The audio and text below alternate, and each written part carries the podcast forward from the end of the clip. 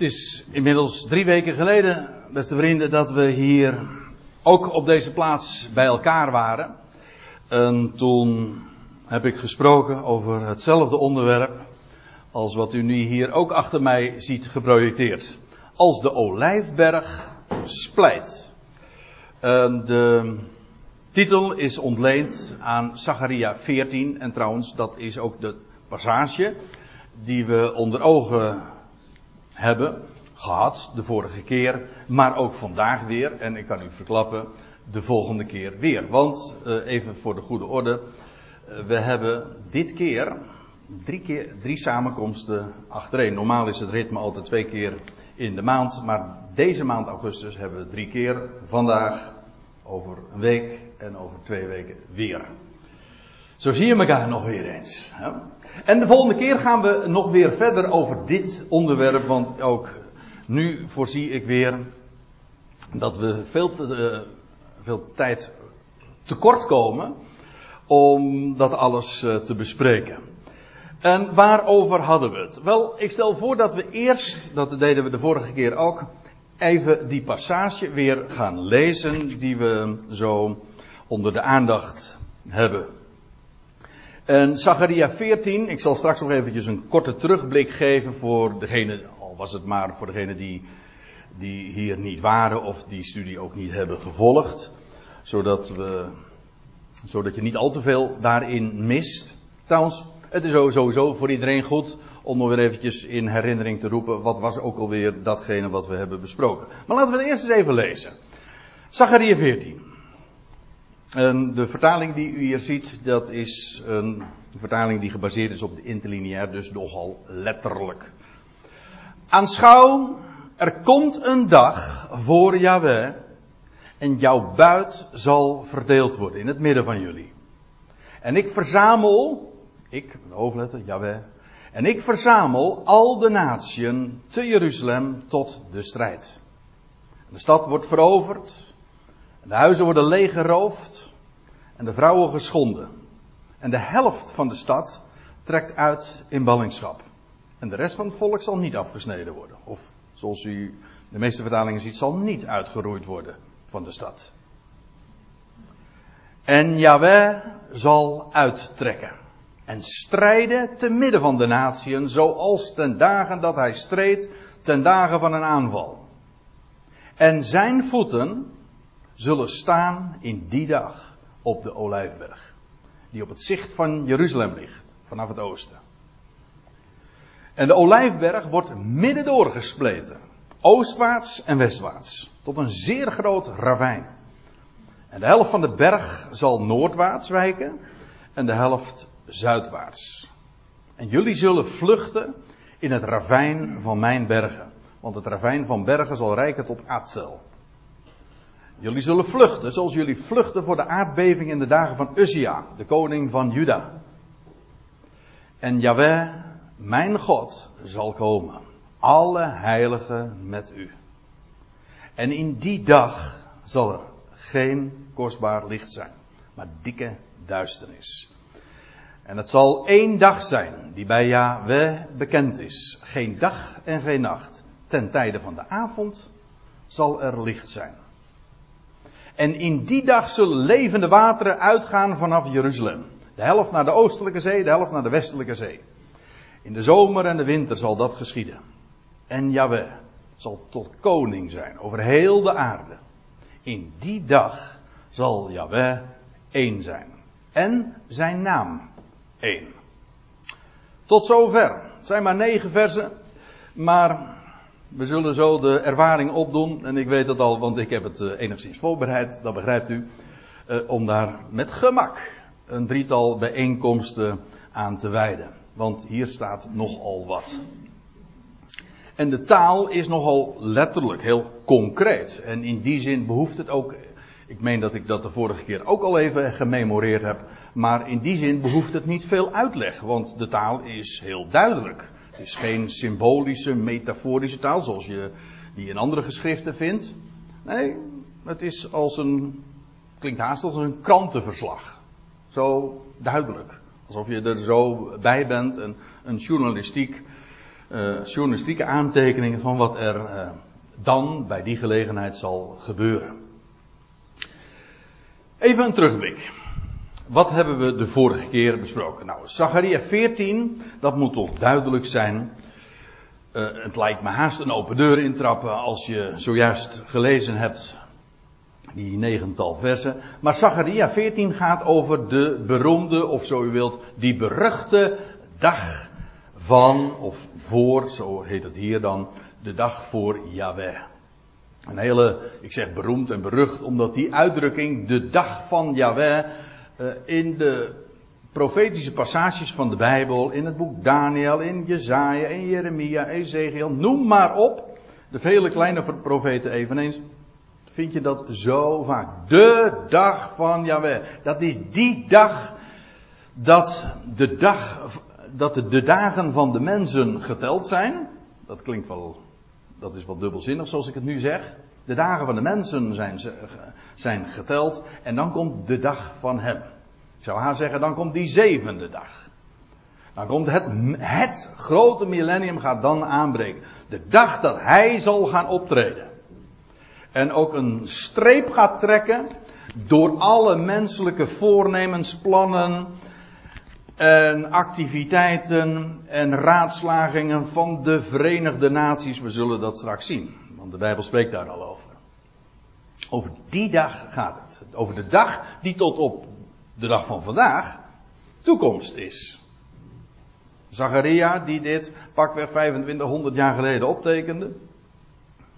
En toen was het toekomstig. En nu, in 2016, nog steeds. Maar ik moet u bij, erbij zeggen, we zijn wel 2016 en 500 jaar dichterbij gekomen. En we zijn zeer na genaderd. Maar dat is nu niet het onderwerp. Er is nog iets anders wat we hebben vastgesteld. Het is de dag dat Jeruzalem, u weet wel, die stad, daar in het Midden-Oosten. Dat die stad tot een steen wordt gemaakt. Dat moet een N zijn natuurlijk. Tot een steen wordt gemaakt die alle natieën moeten heffen. Dat is een uitdrukking die dan voorkomt in Zachariah 12 en 2 en 3. We hebben dat toen ook gezien. Dat wil zeggen, het, het hele wereldgebeuren draait om Jeruzalem. Alles. En, en dat gaat zich zodanig aftekenen. En de ontwikkelingen zullen zich daar ook op toespitsen. Dat er een dag komt dat alle volkeren ten strijde gaan trekken tegen Jeruzalem. Bij trouwens meer dan één gelegenheid nog. Maar goed, laten we het simpel houden. Daar, daar spreekt Zacharia 14 ook over. Het is de dag dat Jeruzalem tot een steen wordt gemaakt. Dat zegt de Heer dan ook. Hè. Jawel, ik ga, uh, Jeruzalem zal ik tot een steen, maar een zware steen die alle naties moeten heffen. En dan staat er, en ze zullen zich deerlijk, hoe staat het? Verwonden, vertillen. Ze zullen zich aan die zware steen vertillen. Want die stad, daar draait het allemaal om. En om dat volk van die stad. En dat is ook de diepste achtergrond van wat dan heet antisemitisme. Dat is maar niet zomaar blinde haat naar Joden toe. De mensen weten niet wat daarachter steekt. Maar het is in werkelijkheid de, het verzet tegen God zelf. Tegen de naam. Weet u trouwens, antisemitisme, dat is mooi. En als je dat doorziet, maar antisemitisme betekent anti-Sem. En u zegt van ja, dat zijn de nakomelingen van Sem. Ja, maar het is een speciale lijn van nakomelingen. Via Sem en dan een specifieke tak daarvan. Heber, Abraham, Isaac, Jacob. En die nakomelingen, daar is antisemitisme tegen gericht. Maar dat komt omdat God zijn naam, Sem betekent naam. God heeft zijn naam verbonden aan dat volk. Antisemitisme dus is eigenlijk gewoon tegen de naam, tegen Hashem. De Joden spreken ook altijd over Hashem, dat wil zeggen Hashem, de, de naam, die zij tot op de dag van vandaag trouwens niet uit gaan spreken. Niet durven en ook niet willen uitspreken. En ook niet mogen uitspreken. We hebben trouwens de vorige keer gezien, er komt een dag, dat is die dag, dan gaan ze hem wel uitspreken. Dan kunnen ze niet anders. Dan zullen ze de naam aanroepen. Afijn, om die stad. Dat is namelijk de stad van de grote koning. Zo heet dat. Daar zal de zoon van David gaan heersen. En wat we ook hebben gezien, dat in de uiterste nood, want u begrijpt dat als alle volkeren zich daar naar verzamelen, en dat heeft een hele inleiding nog van een heel aantal jaren, maar in de uiterste nood zal het derde deel van het volk dat nog is overgebleven, en ook dat hebben we gezien in Zachariah 13, dan zal dat derde deel, wat nog in het land is overgebleven en de rest is omgekomen, dat zijn afschuwelijke dingen, maar de schrift zegt het. Vandaar ook dat, het, dat er sprake is van een grote verdrukking. Zoals de wereld die nog nooit gekend heeft en ook nooit meer zal kennen. In die termen spreekt Spreken de profeten daarover. En de Heer Jezus trouwens ook. In de uiterste nood zal een derde deel van het volk dat nog is overgebleven in het land de naam aanroepen. Nou, daar zijn we ongeveer gebleven. Ik heb toen al uh, bij het eind, omdat ik zag van, oh jongens, dat gaan we helemaal niet redden. Toen heb ik al eventjes uh, een, een, voorzetje gegeven. En dat is de link ook naar vandaag. Hè, wat er dan gaat gebeuren als zij de naam gaan aanroepen. Maar laten we beginnen nu. We pakken de draad op bij vers 3. Daar waren we namelijk gebleven. Hij, hij, de, alle volkeren worden ten strijde verzameld te Jeruzalem. En de stad wordt platgewalst. De helft van de stad wordt gedeporteerd en komt om. En de andere helft blijft daarin over. De helft van de stad. Niet een, het is een derde van het volk, maar de helft van de stad. Ja. Oké. En dan staat er. En Jaweh zal uittrekken hey, eerst had hij de volkeren verzameld. Maar dat hebben we de vorige keer ook gezien. Hij verzamelt ze namelijk als schoven op de dorsvloer. Hij, gaat, hij trekt zijn plan. Hij verzamelt ze juist om daar korte metten te, uh, te maken. En Yahweh zal uittrekken. En dat is ook het antwoord op het aanroepen van zijn naam. Want wat hij gaat doen, en Yahweh zal uittrekken en strijden te midden van die natie. Dus eerst had hij ze verzameld ten strijde tegen Jeruzalem. Vervolgens wordt de stad compleet platgewalst. En in die uiterste nood zal dat deel van het volk wat nog overgebleven is, het overblijfsel, de rest, zo heet dat in de profetie heel dikwijls. Wel, dat zal zijn naam aanroepen en dan zal hij uittrekken. En strijden te midden van de natie. Dat is een, een fenomeen dat we eigenlijk nauwelijks kunnen voorstellen. Ik bedoel, al duizenden jaren lang, ja, uh, laat God met zich spotten, en gebeurt er helemaal niks. En, en, God is ook de verborgene. Maar straks wordt het anders. Hij, je leest ook in de, ja, op, op meerdere plaatsen dat God vandaag zwijgt in zijn liefde. Hij doet niks. En zo, hij zwijgt zozeer dat mensen zeggen, zelfs theologen, er is een hele theologische richting die, die ook die naam heeft, God is dood. Hij heeft, al zo lang hebben we niets meer van hem vernomen. Nee, dat klopt. Dat zegt de schrift ook. Hij verbergt zijn aangezicht voor Israël en de volkeren. Alles is wat God al 2000 jaar doet, is allemaal verborgen. En voor zover hij doet, is dat allemaal incognito. Maar straks, dan gaat hij strijden te midden van de natieën, zoals ten dagen dat hij streed ten dagen van een aanval. Want uh, ik zei, god, dat, dat, is een fenomeen dat de Heer gaat uittrekken en gaat strijden. Dat is wat we al duizend jaren niet meer kennen. Het is haast science fiction als je daarover leest. Nou, het is wel science, maar geen fiction. Ja, de schrift zegt het, het is science. We, kunnen het weten. Maar fictie is het allerminst. Hoe lastig en moeilijk het ook voorstelbaar is. Maar aan de andere kant, uh, er, er, wordt wel een link met het verleden gelegd. Want er staat, zoals ten dagen dat hij streed ten dagen van een aanval. Nou, en hoeveel voorbeelden wilt u daarvan hebben? Dat Yahweh het opnam voor zijn volk en streed. Nou, dat vind je zo vaak. Nou, laat ik eens een voorbeeld geven. Dat is meteen wel de, eerste, de beste misschien ook. Namelijk, ja, dan wordt het ook zo uh, naar voren gebracht. Zoals bij de Schelfzee. Ooit, bij de verovering van het land. Laat ik u eens meenemen naar Exodus 15. En dat, dat is het lied van Mozes. Na. Nadat de Rode Zee, let op wat ik nu zeg. Net nadat de Rode Zee was gaan splijten. En het volk daar zo doorheen kon trekken. Kon vluchten feitelijk naar de woestijn. En toen heeft Yahweh zich opgesteld als een krijgsheld. Zo wordt hij trouwens meerdere keren als een krijgsheer, als een man van de oorlog, als een strijdheer voorgesteld. Nogmaals, dat is niet de wijze waarop vandaag God, van, God vandaag opereert. Integendeel, en moet je altijd goed in de gaten houden. Er zijn verschillende tijden en gelegenheden. En zoals dat staat in Prediker 3, voor alles heeft God een bestemde tijd. Er is een tijd van vrede. En er is een tijd van oorlog. Er is een tijd van je inhouden. En er is een tijd om je te toornen. Nou, dit is de dag ook van zijn toorn. En dan gaat hij optreden. En niet zachtzinnig. Kijk, het feit dat wij geloven, dat wordt ons wel eens, ons, we zijn nu even onder elkaar, wordt ons wel eens verweten, dat als je zegt van alles komt goed. Alles komt goed, daar begon ik vanmorgen mee. Jawel, maar dat is niet zoetsappig. Alles komt goed, maar God laat niet met zich spotten. En hij treedt op als een.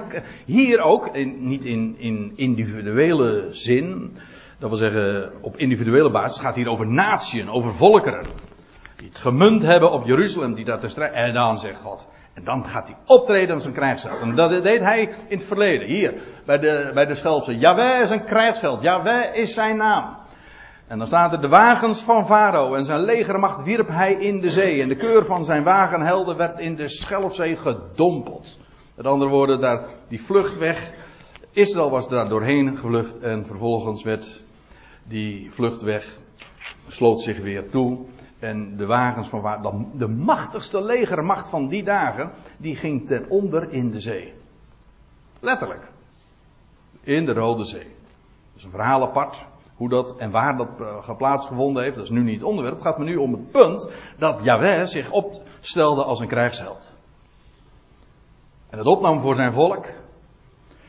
En de tegenstander gewoon in de pan hakte, om het zo te zeggen. Watervloeden overdekten hen en in de diepte zonken zij als een steen. Zo. In Jozua 10, nog zo'n voorbeeld. Trouwens, wat lezen we? Die moet ik nog even nog bij zeggen. Wat lezen we in dit verband? Dit is na afloop van die. Eh, dat Israël door de Rode Zee getrokken was. En dan lees je, voordat dat gebeurt, dat God al het eh, woord neemt tot Mozes. En Mozes geeft dat vervolgens op zijn beurt ook door. En dan zegt hij, Jawel zal voor u strijden. En jullie zullen stil zijn. Hier had het volk totaal geen aandeel in. Jawel was de krijgsheld. Er, het was een wonder. En hij streed. En wat deed het volk? Ze zwegen. Ik kan me voorstellen dat dit zo adembenemend is. Dan, dat, dan, dan vergaat het spreken je wel. Dat is inderdaad. Dan leg je de hand op je mond. Hoe is het mogelijk? De Heer zal voor u strijden. Jullie zullen stil zijn. Dat is trouwens typerend. God zegt, het, trekt, het is altijd zo, de eer is aan hem. Alleen. Geen mensenwerk, dat was dit. Je leest in Jozua 10 ook iets dergelijks. Ik, uh, het is met opzet dat ik hem ook noem. Uh, je leest over Jozua. Als ze dan ingetrokken zijn in het beloofde land. Dan staat er Jozua. Op zijn Hebreeuws Yeshua. is gewoon exact dezelfde naam dus als Jezus. Uh, sloeg hen van Kades Barnea tot Gaza, dat wil zeggen over de hele breedte van het land, ook het ganse land van Gozen tot Gibeon aan toe. En al deze koningen en hun land heeft Jozua op eenmaal overwonnen. Staat er. Want, hoezo? Hoezo dat Joshua overwon en het land gewoon zo vrijmaakte voor het volk, aan wie het ook beloofd was. Want Jahweh, de God van Israël, streed voor Israël. Daarom. En normaal gesproken, dat kon dat helemaal niet, want er was een overmacht aan volkeren die daar uh, zich hadden gelegen of die daar woonden. En net als die tien verspieders ooit al hadden gezegd: Dit kan never nooit, mensen. Dit moeten we niet doen. Dat moeten we ook niet eens willen. Ja, dan, dat, menselijkerwijs gesproken heb je het helemaal goed gecalculeerd, maar je vergeet één ding. En dat is die naam. De naam van Jaweh. En hij is een krijgsgeld. En als hij belooft, dan doet hij dat. Daar, kun je gewoon op blind varen, dan kun je gewoon, dat weet je. Dan lees je daarna, keerde Jozua en geheel Israël met hem terug naar de legerplaats te Gilgal. Ja, ik heb hem er expres nog even bij genoemd, want feitelijk, misschien dat we het de volgende keer nog zullen zien. Dus dat moet u maar goed onthouden. Nou ja, we hebben het over een week, deze samenkomst dus. Maar in ieder geval, feitelijk wat je in de toekomst krijgt, is een herhaling van de geschiedenis. Op een heel opmerkelijke manier. Maar goed, daarover 7 augustus meer. En dan komen we bij Zachariah 14. Dat is een bekend vers. En terecht lijkt mij. En dan staat er, en zijn voeten zullen staan in die dag op de olijfberg, die op het zicht van Jeruzalem ligt vanaf het oosten. Eerst even dit. Zijn voeten zullen staan. Ja, wie, waar dat zijn opslaat, dat is niet zo moeilijk. Dat is een kwestie van teruglezen naar het voorgaande vers. Dan gaat over Yahweh. Dus het zijn de voeten van Yahweh. Waarna zich natuurlijk een probleem voordoet, want dan kun je zeggen, maar hoe is dat mogelijk? Want God is toch de onzienlijke God. Niemand heeft toch ooit God gezien? En ik verwijs hier naar Johannes 1, naar Colossense 1, maar het grappige is, beide versen geven ook antwoord op deze vraag. Hoe is dit mogelijk? Zijn voeten zullen staan. Jawel, maar kijk, er staat in Johannes 1, vers 18, we hoeven het nu niet op te zoeken, maar dus, lees het maar na. Er staat, Jawel, nee, pardon. Uh, niemand heeft ooit God gezien. De enige geborene, die aan de boezem van de Vader is nu, die heeft hem doen kennen. En in Colossense 1, vers 15, daar lees je, hij, gaat het over de Zoon van God, is het beeld van de onzienlijke God. Dus God is de onzienlijke. Als hij zich zichtbaar maakt, dan is dat zijn icoon, zijn beeld. Degene door wie hij zich bekend maakt. En zodanig dat de Heer Jezus ook kon zeggen: Wie mij gezien heeft, heeft de Vader gezien. Over dit, moment, daar, daar, wordt nogal eens een keer aan gerefereerd in de profetie. Laten we, eerst, laten we dat eens een keer bezien. Want hier moeten we niet zomaar over, uh, aan voorbij gaan. We moeten ook schrift met schrift vergelijken. ik, uh, u bent hier niet uh, bijeengekomen voor een preek. We bestuderen, we onderzoeken de schriften. Er staat in Zachariah 12 dit. En ja, dit is dat gedeelte waar, waar, we het de vorige keer ook al even over hadden, maar dit moet ik nu even nog uh, noemen. Daar staat dit. Te dien dagen zal ik, en dan gaat het over Yahweh. Te dien dagen zal ik zoeken te verdelgen al die volkeren die tegen Jeruzalem oprukken. Dus we praten hier over dezelfde context waar we het zojuist ook over hadden. Gewoon die dag. Dat hij de volkeren verzamelt te Jeruzalem. En dan zal hij zoeken te verdelgen alle volkeren die tegen Jeruzalem oprukken. En dan vers 10. Ik zal, weer, ik zal over het huis van David en over de inwoners van Jeruzalem uitgieten de geest van de genade en de gebeden. En dan gaat er wat gebeuren. Als hij uitgiet de geest van genade en van gebeden, weet je wat ze dan gaan doen? Dan gaan ze bidden. Dan gaan ze de naam aanroepen. En dan staat er, en als u een MBG-vertaling hebt, dan staat het er niet correct. Dat hebben ze, dat is wegvertaald. Want dan staat er, en ze zullen hem aanschouwen die zij doorstoken hebben. En ik begrijp wel waarom ze dat gedaan hebben, want literair gezien is dat correct. Maar het staat er niet. In de, in de staatvertaling staat correct. En ze zullen mij aanschouwen die zij doorstoken hebben. Met andere woorden, wie zullen zij aanschouwen? Jawel. En, wat, en die Yahweh, wie is dat? Dat is degene die zij doorstoken hebben. En nou, nou is nog, nog iets eigenaardigs. Want als je nou even doorleest, en dat is ook precies de reden waarom de MBG-vertaling en vele andere vertalingen daarin meegegaan zijn. Die hebben hier vertaald met, dit moet zijn hem natuurlijk. Want dat klopt niet. Ze zullen mij aanschouwen die zij doorstoken hebben en over hem rouwklacht aanheffen. Hm? Dat kan niet. Dat moet dezelfde. Dus je struikelt erover. Dus aan de ene kant is het Yahweh. Dat wil zeggen, aan de andere kant wordt er gezegd, Yahweh spreekt in de derde persoon enkelvoud over hem. En over hem een rouwklacht aanheffen. Als de rouwklacht over een, e- als de rouwklacht over een enig kind. Het is ook de enige geboren trouwens. Ja, ze zullen over hem, weer hem, bitter leed dragen als het leed om een eerstgeborene. Ook dat is een titel van die doorstokene. En u weet natuurlijk al lang over wie we het hebben, maar laten we gewoon eens lezen wat er staat. Dit staat al in, door de, in Zacharia 12. Jawes heeft dit zelf bij monden van Zacharia uitgesproken. Ze zullen mij aanschouwen. Aan de ene kant, God identificeert zich met degene die, die dan gezien zal worden. En tegelijkertijd is het een ander. Hoe kan dat? Het is zijn zoon. Het is zijn beeld. Maar wie hem ziet, ziet God. En ze zullen mij aanschouwen, die zij doorstoken en over hem een rouwklacht aanheffen. Laten we nog eens verder lezen. In openbaring 1. De openbaring.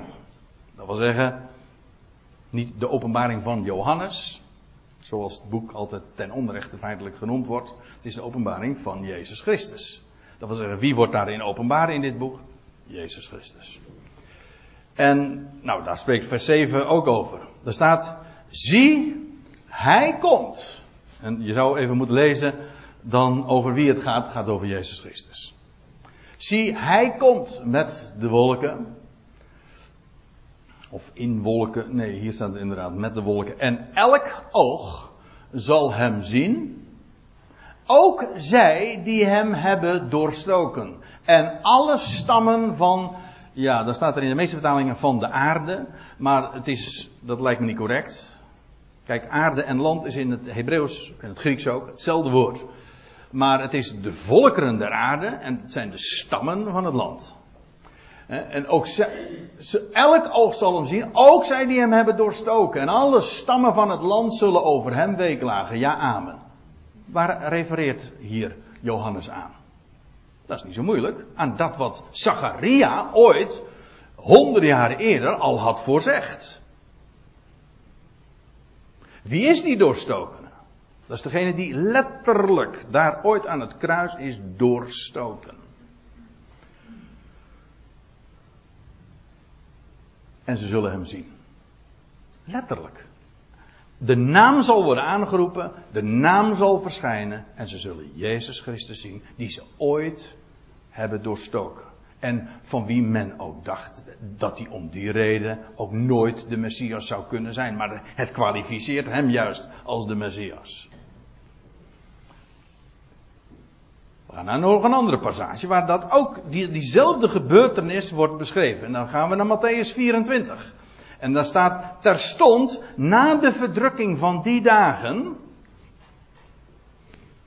Na de verdrukking van die dagen, want u, zei, u weet inmiddels, hè, er was een, een, een, periode, dat hebben we de vorige keer ook gezien, er gaat een periode van als de Heer zal verschijnen en zijn voet zal zetten op de Olijfberg, dan gaat een periode van 3,5 jaar aan vooraf, van 1260 dagen of 42 maanden, dat is allemaal dezelfde termijn hoor. Tijd, tijden, halve tijd. Afijn, na de verdrukking van die dagen, wat gebeurt er dan? Ook daar hebben we het de vorige keer over gehad. Dan zal de zon verduisterd worden. En de maan zal haar glans niet geven. Dus er gebeurt iets met de, de, aan de hemel, zodat het donker zal zijn. En dan staat er, ik sla een paar woorden over, en dan zal het teken van de zoon van de mens, van de Ben Adam, de erfgenaam van Adam, verschijnen aan de hemel. Wat is dat teken? Kun je je dan afvragen? Het is een vraag. Ik ga er nu niet op antwoorden, maar het gaat me even om wanneer het zal zijn en wat er dan gaat gebeuren. Wel, ter gelegenheid van het verduisteren van die zon, de maan die haar glans dan niet meer geeft, dan zal het teken van de Ben-Adam verschijnen aan de hemel. En dan zullen alle stammen van het land zich op de borst slaan hè, van weeklacht. En ze zullen de zoon van de mens zien komen op de wolken des hemels. Met grote macht en heerlijkheid. Die, Hier wordt dus Yahweh ook geïdentificeerd. Dat wil zeggen, die Yahweh zijn voeten zullen staan, jawel, en dat zal de Ben Adam zijn. En ze zullen hem, en de stammen van het land, die zullen hem zien. Je zou gewoon ook verder moeten lezen, want wat, God dan vervol, wat er dan vervolgens gebeurt. En hij zal zijn engelen en zijn boodschappers uitzenden en zijn volk verzamelen.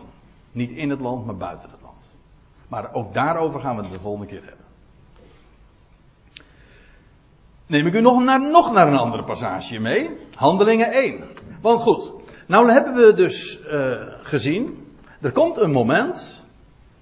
En we weten nou aardig wat van wat daar uh, bij die gelegenheid zal gebeuren. Maar er komt een moment dus dat de voeten van Yahweh, oftewel de voeten van de Ben Adam, oftewel degene die zij ooit hebben doorstoken, oftewel gewoon de Messias, Jezus Christus, zal dan verschijnen.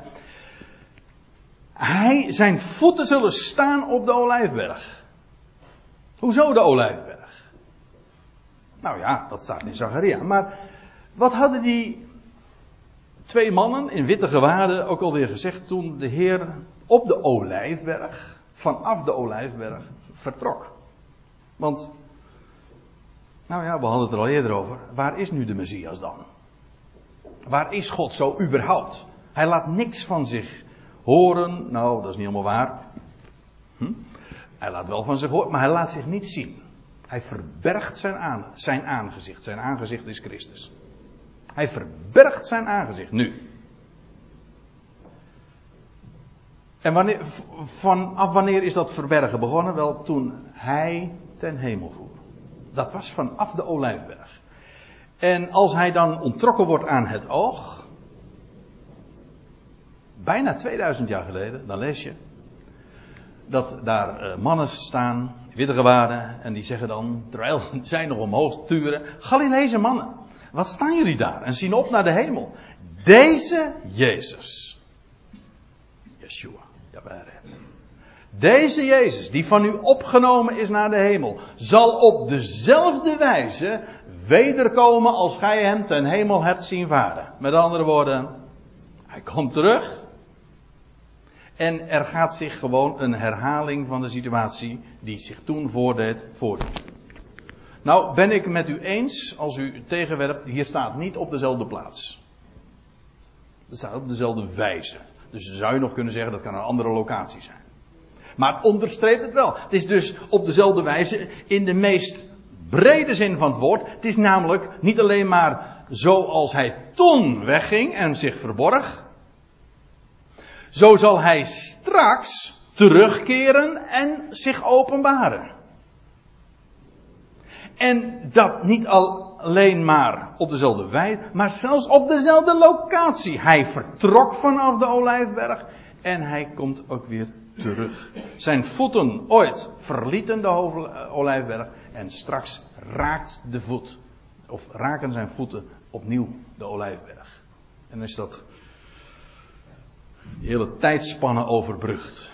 En dan lees je in vers 12 nog van Handelingen 1. En toen keerden zij terug naar, naar Jeruzalem van de berg genaamd de Olijfberg. Dus dan weten we meteen dat dat inderdaad dezelfde locatie was.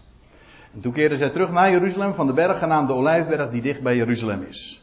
Een sabbatsreis daar vandaan. Ik kan het niet nalaten. Jeruzalem was de stad van de grote koning de Olijfberg, de berg waar hij vertrok. Hoe groot is de afstand tussen de, het moment dat hij vertrok, de Olijfberg, en de stad waar hij ooit zal regeren? Hoe groot is die afstand? Een sabbatsreis. En weet u wat een sabbatsreis is? 2011. De afstand tussen de berg die zijn vertrek markeert. En de stad waar hij zal heersen, daar, zit een, een, gaat een gat. En dat kun je geografisch uitdrukken, dat is 2000. Een getal wat je vaker tegenkomt, hè. Maar dat moet toch te denken geven.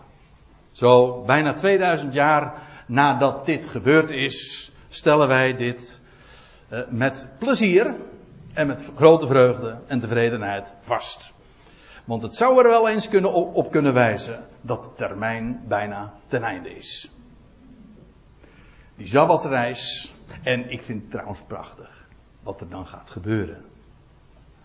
De Sabbat gaat daarna aanbreken. Zijn dag. Ja. Goed. Nou, laten we weer even teruggaan. We hebben zo nu een aantal passages gezien die daar ook over spreken. Dat de, Messie, dat de Heer zal verschijnen, oftewel zijn icoon, zijn beeld, degene in wie hij zich openbaart, namelijk Jezus Christus. En zijn voeten zullen staan in die dag op de Olijfberg. En ik heb me wel eens laten vertellen, en dit is, kan speculatie zijn, weet ik niet, ik heb, het, ik heb het nog geprobeerd te achterhalen, maar ik heb van diverse zijden gehoord, er loopt al een scheur in de Olijfberg. Of zeg ik dat nou goed? Er loopt een scheur. Uh, uh,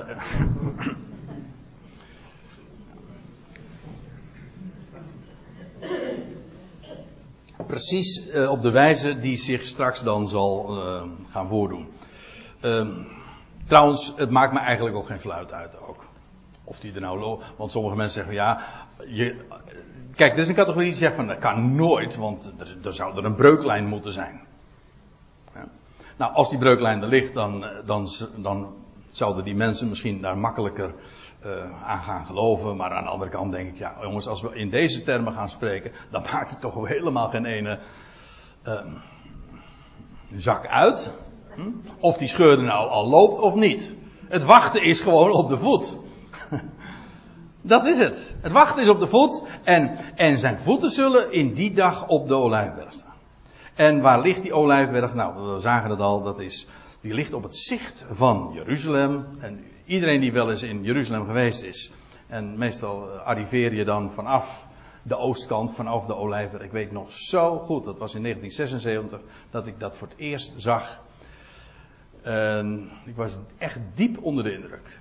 Met de, ja, alles wat je van die stad weet. Ik was een uh, ventje van 15 jaar. Maar alles wist, ik wist al dat had mijn vader me ooit al verteld. Daar in die stad gaat het gebeuren. En daar met die olijfberg, die gaat scheuren. En, en toen zag ik dat. Vanaf de olijfberg, en dan keek je zo over die stad. Daar nog met die gouden koepel.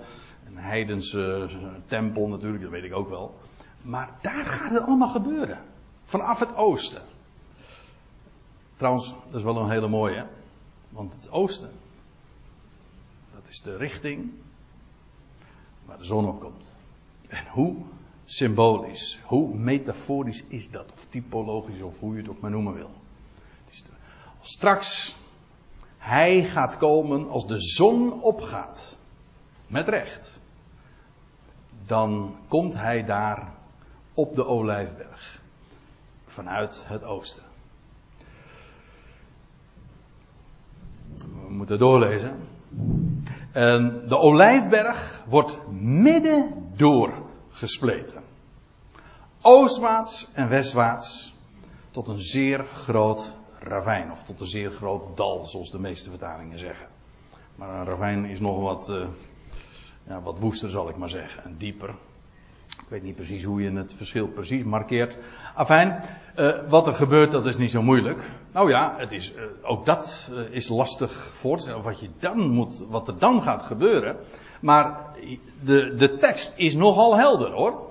De olijfberg die wordt midden doorgespleten. Of die scheur er nu al ligt of niet, dat laten we helemaal in, in het midden. Ja. Precies.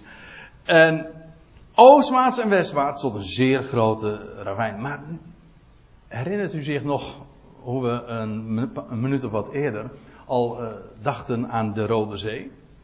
Dat er toen ook een vluchtweg voor het volk werd gecreëerd. En nu ga je natuurlijk meteen denken: hé, hey, zou daar dan misschien weer hetzelfde gebeuren als wat er ooit gebeurde met de Rode Zee? Dat als het volk dat de naam heeft aangeroepen daardoorheen gevlucht is, dat de, dat de, de achtervolgers vervolgens verzwolgen worden door die berg.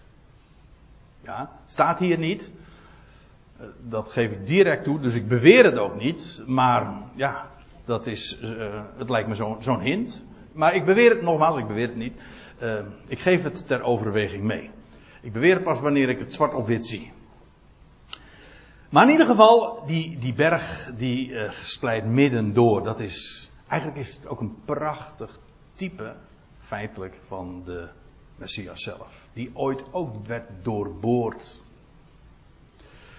En verscheurd. En hij zal zien, ze zullen hem zien, ja. Maar dat is juist degene die zij doorstoken hebben. Het is trouwens de berg. Een heel andere gelegenheid hebben we daar ook eh, hier wel eens over gehad. Het is niet alleen maar de berg waar de Heer ooit ten hemel voer. Als u mij vraagt, is het wat lastiger. Omdat het niet direct zo aan te wijzen is, maar als je schrift met schrift vergelijkt, dat het ook de berg is geweest waar de Heer ooit zijn leven gaf. Waar Golgotha lag. En waar ook dus op een steenworp afstand de graf, het graf van Arimathea lag, waar hij is opgestaan. Dus dan is het echt de, het is de berg van hem. Waar ook trouwens de olie, wat in de Bijbel altijd weer een beeld trouwens ook is van de Christus, de Mashiach. Mashiach betekent, of Christus betekent gezalfde, maar gezalfd met wat? Met olijfolie. Olijfolie is een beeld van leven.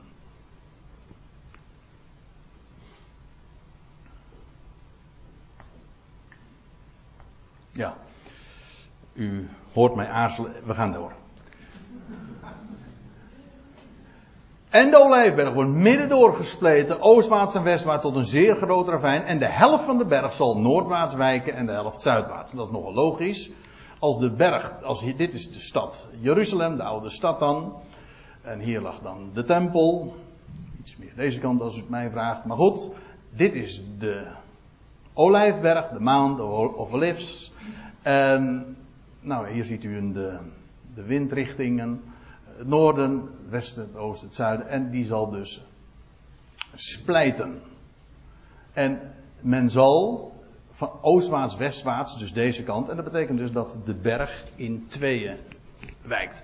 Naar het noorden toe en naar het zuiden toe. En dan staat er, en jullie zullen vluchten. Gewoon dwars door die berg heen, waar dus gewoon ter plekke een enorm ravijn ontstaat. Dit is wonderlijk.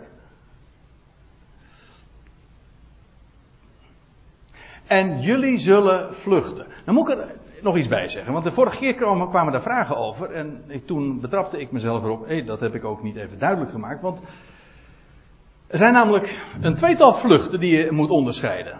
En omdat ze betrekkelijk in, dicht bij elkaar liggen in tijd, zou je ze zomaar door elkaar kunnen halen. En als je dat doet, dan begrijp je het scenario niet.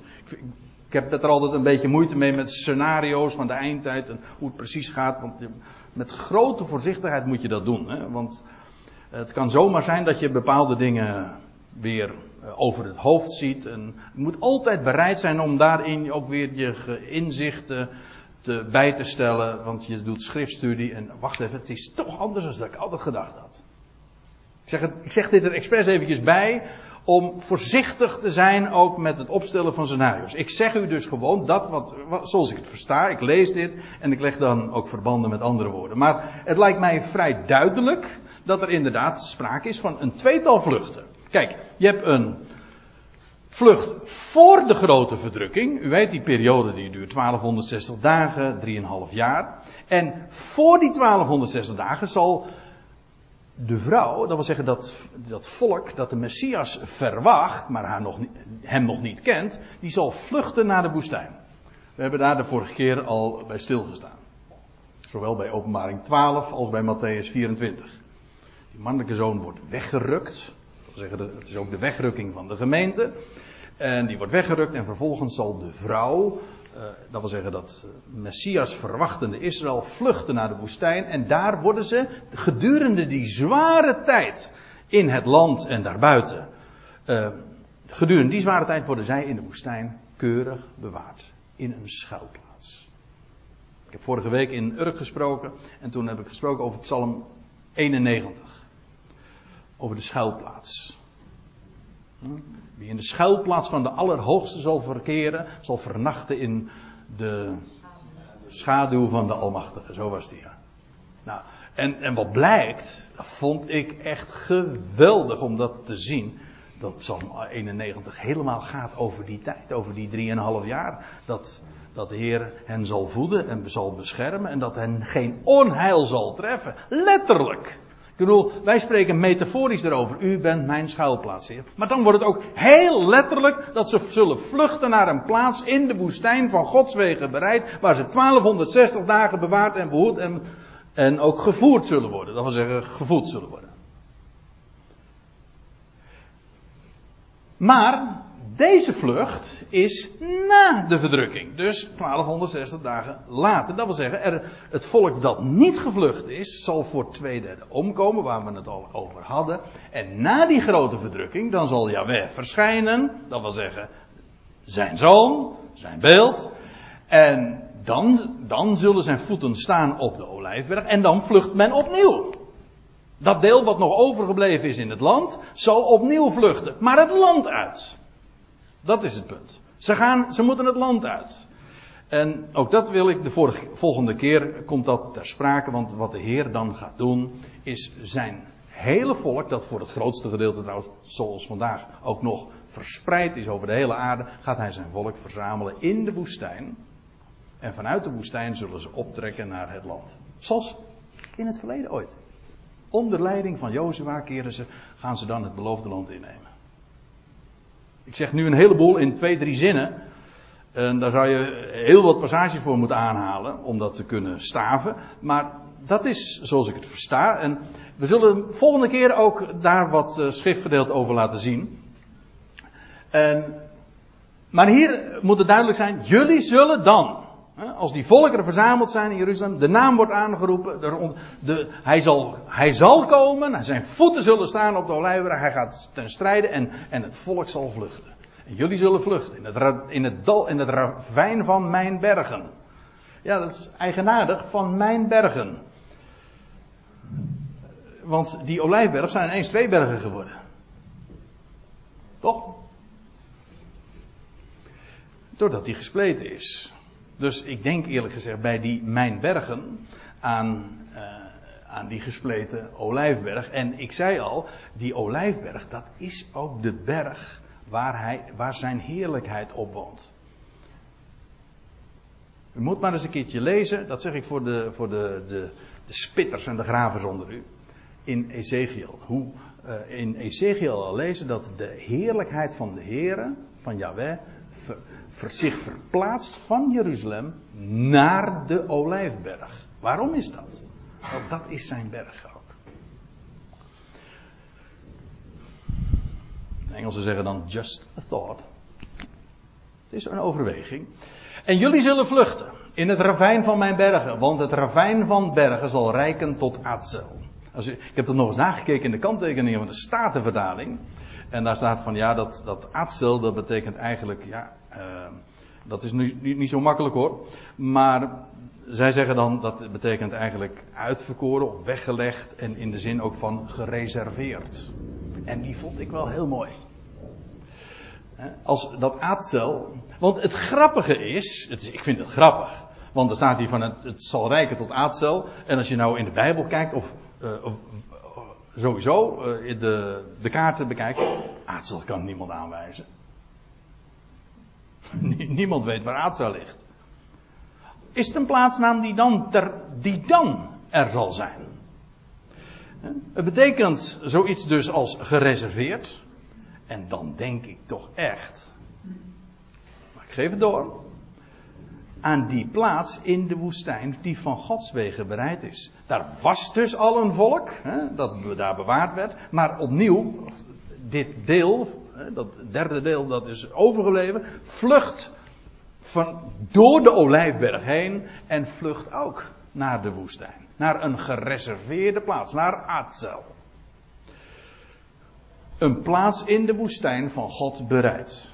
Dat heet dan, dat is in het gebied van Edom. En, en ik denk dat de naam Petra, niet mijn vrouw, maar de stad daar in Jordanië, daar een grote rol in speelt.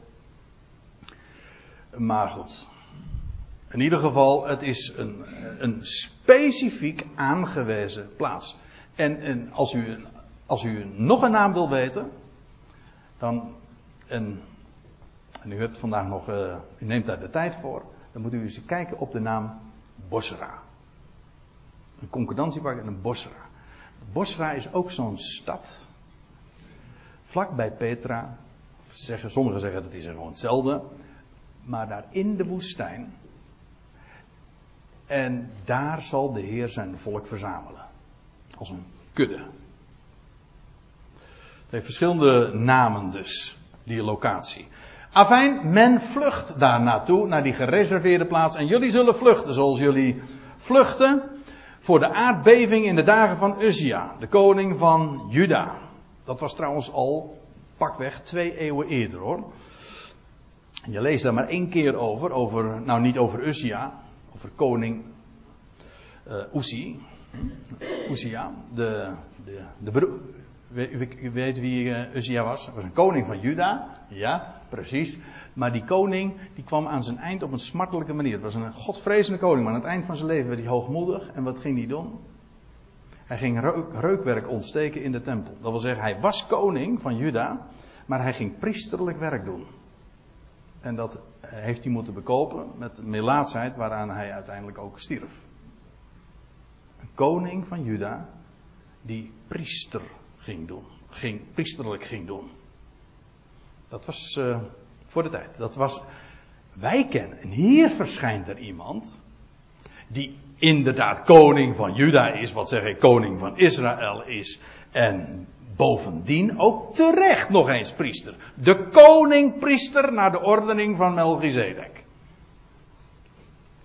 Daar moet ik zomaar aan denken als ik de naam Uzia lees. Maar in ieder geval, in zijn dagen heeft er een, een, een, een grootse aardbeving plaatsgevonden.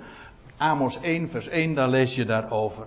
En die aardbeving zal ook dan dus weer plaatsvinden. U begrijpt wel dat als, als de olijfberg gaat splijten, dat moet een gigantische shock zijn.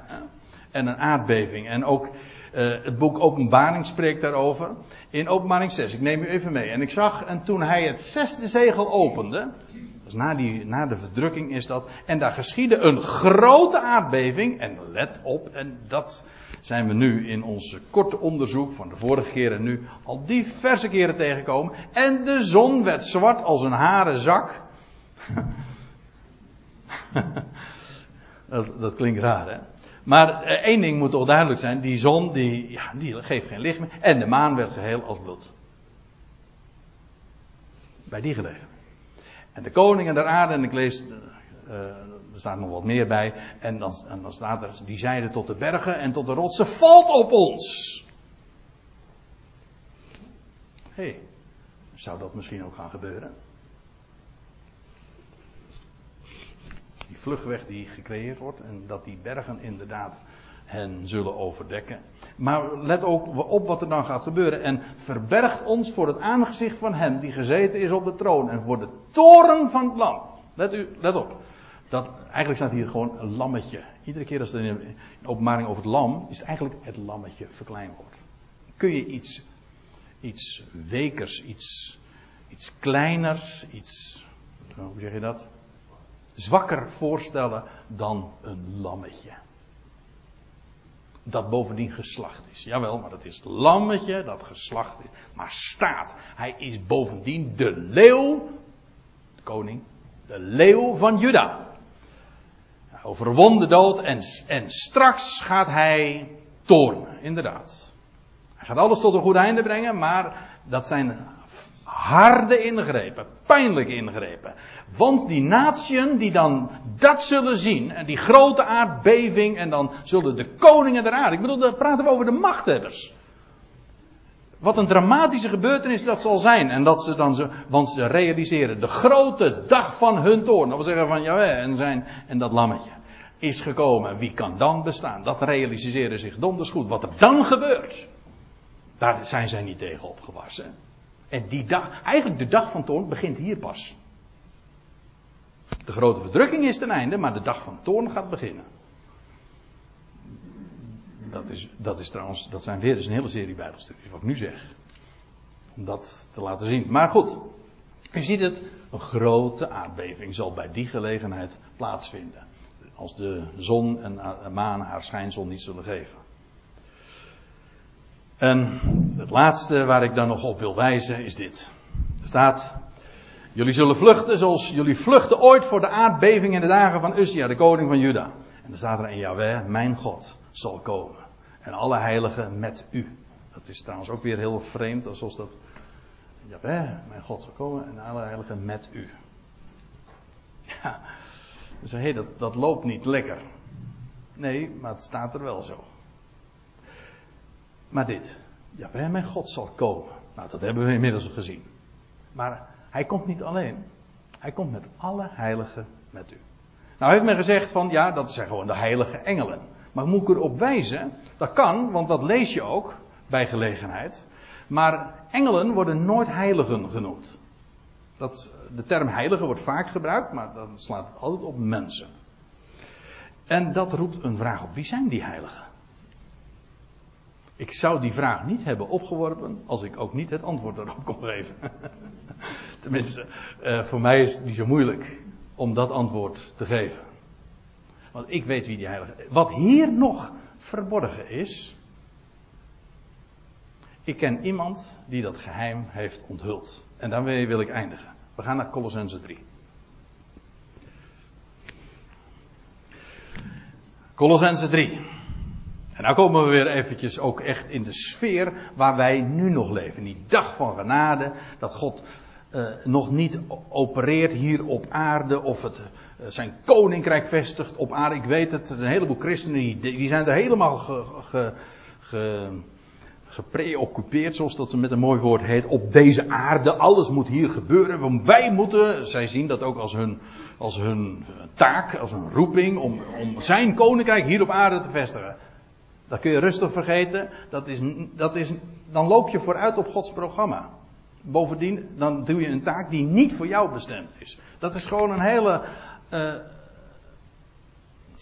nogal uh, pijnlijke rol, rolverwisseling. Eigenlijk waar je mee bezig bent, is gewoon een vals rollenspel. Je neemt een rol op je die niet voor jou bestemd is. Het lukt je. Nee, maar dat is altijd met een vals rollenspel. Je neemt een rol op je die niet voor jou bestemd is. En dus frustreert het op een gegeven moment. Mensen zijn al 2000 jaar bezig, dat vind ik, eh, om, om uh, alle volkeren te maken tot zijn discipelen. En nu zijn we 2000 jaar verder en er is nog één volk tot zijn discipel gemaakt. Hé, hey, uh, het werkt op een of andere manier niet. Nee, maar dat God gaat tot God doen in zijn dag. Dat hij dat volk dat hij daarvoor bestemd, gaat in één generatie alle volkeren maken tot zijn discipelen. Dat moet, dat, dat moet je, je moet dat wel de tijden onderscheiden. God toorn vandaag niet. Straks wel. En dan zeg ik erbij. Dat een pak van mijn hart. En dat, dat, dat God mij, godzijdank, heeft echt laten zien. Een ogenblik duurt zijn toorn. Zijn toorn is ernstig en serieus, maar in verhouding met is het altijd maar een moment. Een ogenblik, dat is Psalm 30 vers 6. Een ogenblik duurt zijn toorn, een leven lang zijn goede tierenheid. Dus dat is een mooi antwoord op de theologische vraag. Hoe verhoudt Gods toorn zich nou tot zijn goede tierenheid? Nou, als een moment tot een lang leven. Zo, dat is de verhouding. Is zijn toorn reëel? Jazeker. Wis en waarachtig. Maar zie wel de proporties. Zoiets als een eindeloze toren bestaat er niet. Eindeloze goede tierenheid wel. Laat de dingen staan, doe de dingen recht. Weet u wat wij, waar, waartoe wij vandaag worden opgeroepen? Luister naar de apostel Paulus. Die leeft in het begin van die tijd van verborgenheid. Hij zegt, bedenk de dingen omhoog. Of die boven zijn. Hè? Staat er in de NBG-vertaling. Bedenk de dingen daar omhoog. We kijken ook omhoog. Niet de dingen hier op de aarde. Die vragen wel onze aandacht, maar dat is het niet. Er staat, want jullie, Paulus zegt, u zou dat even in de hele context ook moeten zien, jullie stierven. Hoezo? Jullie stierven? Jawel, wij zijn met Christus namelijk verbonden. Toen hij stierf, stierven wij. Toen hij opstond, stonden wij op. Toen hij verborgen werd, werden wij verborgen. Want jullie stierven. En het leven van jullie is verborgen. Samen met Christus in God. Waar is ons leven? Niet hier. nee, je zou het even moeten voorlezen. Uh, lezen een paar versen hier aan voorafgaand. Ik ben een nieuwe rubriek gestart op mijn website. Dat heet Goed Belicht. Ik maak meteen even reclame voor. En vandaag is Colossense 2, vers 20 het onderwerp. En dan staat er, dan zegt Paulus van, waartoe laten jullie alsof jullie in de wereld leefden geboden opleggen van raak niet, smaak niet en roer niet aan. Als, hij zegt, alsof jullie in de wereld leefden. En zegt van, ja, waar zitten we dan dan? Hm? Nou, ons leven is daar. En dit is hier voor spek en boven eigenlijk. Daar is ons leven. Daarom bedenk de dingen die boven zijn. Want jullie stierven het leven van jullie is verborgen samen met de Christus in God. Het is allemaal verborgen. Er niks te zien. Als mensen zeggen, ik zie er niks van. Nee, dat is een bevestiging van het woord. En dan staat er, wanneer, nou komt het. Wanneer dan ook, ongeacht op welk moment dat plaats zal plaatsvinden, de Christus openbaar gemaakt zal worden. Dat gaat God doen. Dus het is een passieve vorm eigenlijk wat hier gebruikt wordt. Wanneer dan ook de Christus, de Messias, openbaar gemaakt zal worden. Het leven van jullie, Hij is ons leven. Dat is daar boven. Zoek een leven. Nou, mijn leven is daar. Dat zoeken we. Dat zoeken we en dat is helemaal niet door, door te fantaseren of hoe het daar zal zijn of zo. Nee, gewoon de schrift. Zijn woord. Neem dat tot je. Dus zoek de dingen die boven zijn. Bedenk die dingen. Wanneer dan ook de Christus, hoofd en lichaam, openbaar gemaakt zal worden. Het leven uh, van jullie moet hier staan trouwens. Het leven van jullie. Dan zullen jullie ook. Dan zullen. Nou, laat ik het goed, de klemtoon goed leggen. Dan zullen jullie ook samen met hem openbaar gemaakt worden in heerlijkheid. Kortom, als de Christus, die nu nog verborgen is, geopenbaard zal worden, eh, geopenbaard zal worden, dan worden wij met hem openbaar. Dus als de Messias zal verschijnen, dan zullen wij met hem zijn. Al zijn heiligen met hem. Zacharia kon niet vertellen wie dat waren. En met Paulus in de hand, om zo te zeggen.